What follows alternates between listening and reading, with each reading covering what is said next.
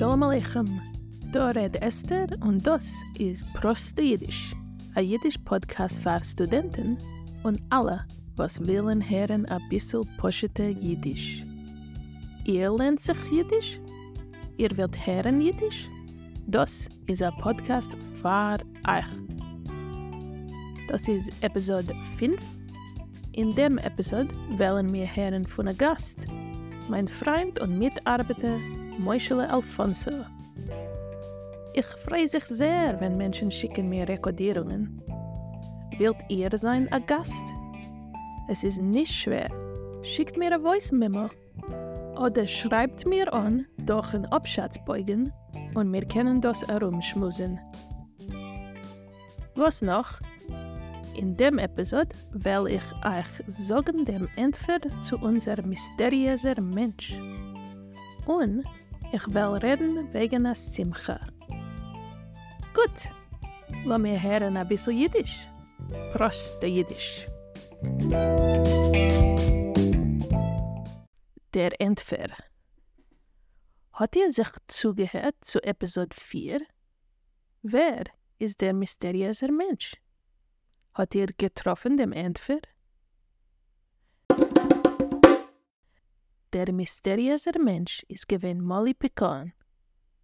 Molly Pecan ist gewesen eine berühmte Aktrice und hat gespielt auf Jiddisch und Englisch. Ihr kennt sein Pekanen in Filmen wie Jedel mit dem Fiddle und Mamele und euch in Fiddler auf dem Dach. Jedel mit dem Fiddle ist einer von meinen beliebsten Filmen.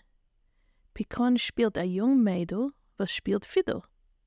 Das Mädel verstellt sich wie ein Jingel, weil sie will herumfahren wie ein Klezmer mit den Taten. Der Film ist aber sehr camp und Picon spielt alles mit so viel Chein. Die Musik ist auch nicht schlecht. Ach, es gefällt mir.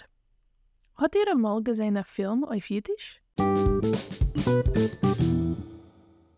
Shalom Aleichem allemen. Ich heiße Moischele und ich komme von die Vereinigten Staaten. Ich hab gewohnt zehn Jahre in Miami Beach, Florida. Aber jetzt wohne ich bei Tate Mama. Das heißt, bei meinen Eltern. In a Städtel, was heißt South Haven, Mississippi. Aber bald fahre ich kein Peulen. Ich will wohnen dort zwei Chadoshim, in Juni und Juli. Ich bin kein Mal nicht gewesen in Polen. Das ist mein erstes Mal. Ich will fliehen mit dem Aeroplan von Memphis, Tennessee, kein Boston, von Boston, kein Paris und von Paris, kein Warschau. Warschau ist die Hauptstadt von Polen. Ich will wohnen in Adire auf der Niske-Gas. Die Niske-Gas ist ein Gas, wo die Warschauer Ghetto ist gewesen. Was will ich dann Polen? Hm, öfter will ich sich verschreiben oder registrieren auf einen Polischkurs.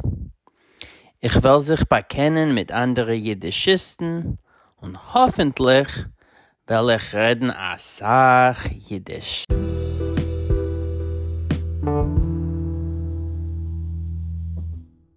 Mit ein paar Wochen zurück bin ich gegangen auf eine Simche. Es ist gewesen mein Freunds Geburtstag. Wie alt ist mein Freund? Jetzt 30 Jahre.